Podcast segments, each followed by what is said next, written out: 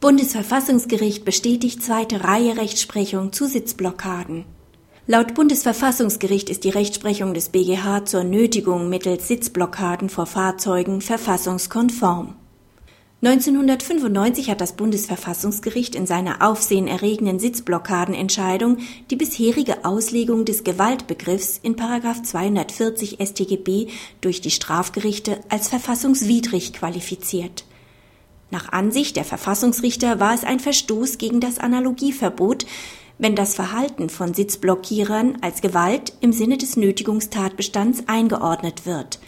Denn Gewalt setze stets eine körperlich vermittelte Zwangswirkung bei Betroffenen voraus, während ein lediglich psychisch wirkender Zwang keine Gewalt im Sinne von 240 StGB darstellen könne.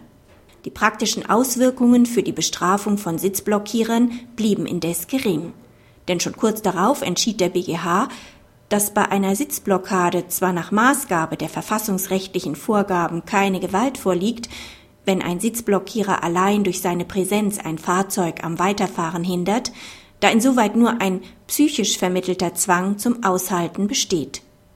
Dies gilt jedoch nicht, wenn das durch den Sitzblockierer gestoppte Fahrzeug nun seinerseits ein Hindernis für ihm nachfolgende Fahrzeuge bildet – denn das stehen gebliebene Fahrzeug ist ein massives Hindernis, von dem eine körperlich vermittelte Zwangswirkung ausgeht.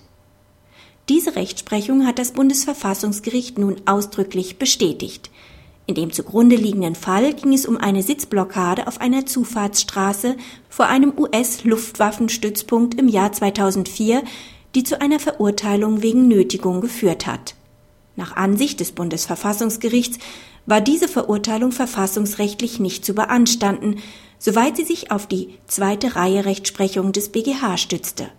Es sei mit Artikel 103 Grundgesetz vereinbar, in dem Verhalten des Sitzblockierers eine Nötigung in mittelbarer Täterschaft zu sehen, bei der der Fahrzeugführer des ersten angehaltenen Fahrzeugs als Tatwerkzeug zur Begehung einer Nötigung gegenüber nachfolgenden Fahrzeugführern eingesetzt wird.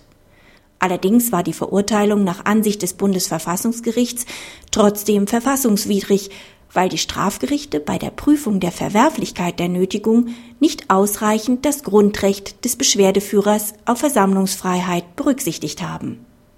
Praxishinweis. Dass das Bundesverfassungsgericht die zweite Reihe Rechtsprechung kippen würde, war nach seinen jüngeren Entscheidungen zu Gewalt bei physischen Blockaden nicht zu erwarten. Begrüßenswert ist es, dass das Bundesverfassungsgericht mit seiner Entscheidung das Augenmerk wieder auf die Anforderungen an die Verwerflichkeit bei Sitzblockaden richtet.